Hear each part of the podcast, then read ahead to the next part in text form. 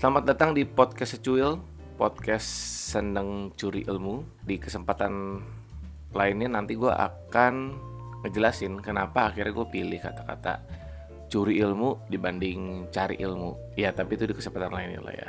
Untuk sekarang tuh gue akan ngejelasin mengenali bagaimana cara kita mempelajari sesuatu.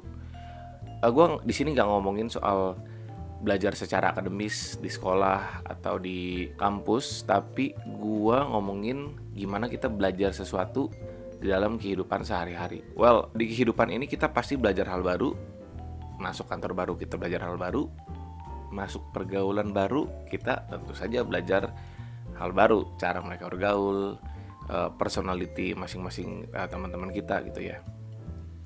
Um, itu kenapa menurut gue penting banget untuk mengenali cara kita untuk belajar. Nah, jadi sebenarnya paling nggak ada tiga metode atau tiga gaya belajar yang harus kita tahu nih kita yang mana gitu ya. Yang pertama adalah kinestetik, yang kedua adalah visual, yang ketiga adalah audio. Kalau gue sendiri uh, gue adalah audio visual. Apa ini bedanya ketiga-tiganya ini? Uh, yang pertama kinestetik itu kita harus langsung praktek. Contohnya um, belajar ngedit video Nah, e, kalau orang-orang yang mempunyai gaya belajar kinestetik, gue sarankan untuk langsung pakai laptop kalian, langsung cobain ngedit. Dibanding dengerin pemaparan panjang-panjang tapi ujungnya nggak ngerti, mendingan langsung praktek. Nah, kalau audio, e, orang audio ini biasanya lebih bisa belajar dengan mendengarkan.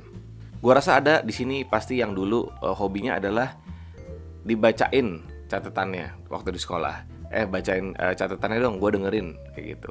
Lu belajar gue denger gitu. Nah orang-orang yang bisa belajar dengan gaya ini adalah orang-orang yang audio gitu. Dan kalau satu lagi visual.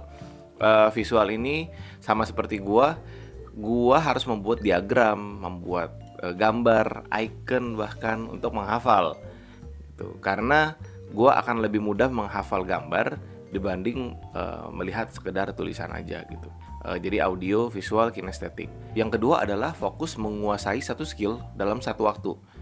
Otak kita tuh nggak didesain untuk fokus ke banyak hal dalam satu waktu. Contohnya mungkin sekarang yang paling relate adalah kalian mau belajar tentang saham.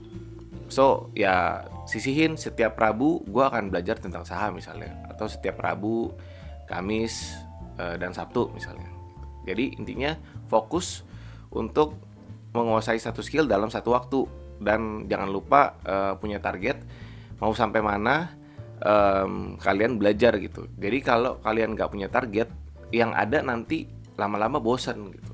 Mungkin targetnya contohnya kalau belajar saham uh, eh, gue mau belajar saham sampai gue bisa tahu mana saham yang bagus second liner yang bagus yang pantas dan praktek ya tentu saja dan oke okay, berhasil gitu contohnya. Nah, nanti kalian bisa belajar masuk hal baru dengan target baru, saham misalnya dengan target yang baru. Jadi yang kedua itu fokus menguasai satu skill dalam satu waktu. Yang ketiga, jangan ragu untuk menunjukkan ke orang lain. Ini menurut gua penting untuk menjaga komitmen kita gitu ya.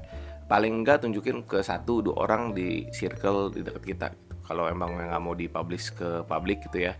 Um, share aja ke teman-teman terdekat supaya gini supaya mereka bisa bantuin mengingatkan kita eh lo bukan kemarin lagi belajar tentang saham misalnya.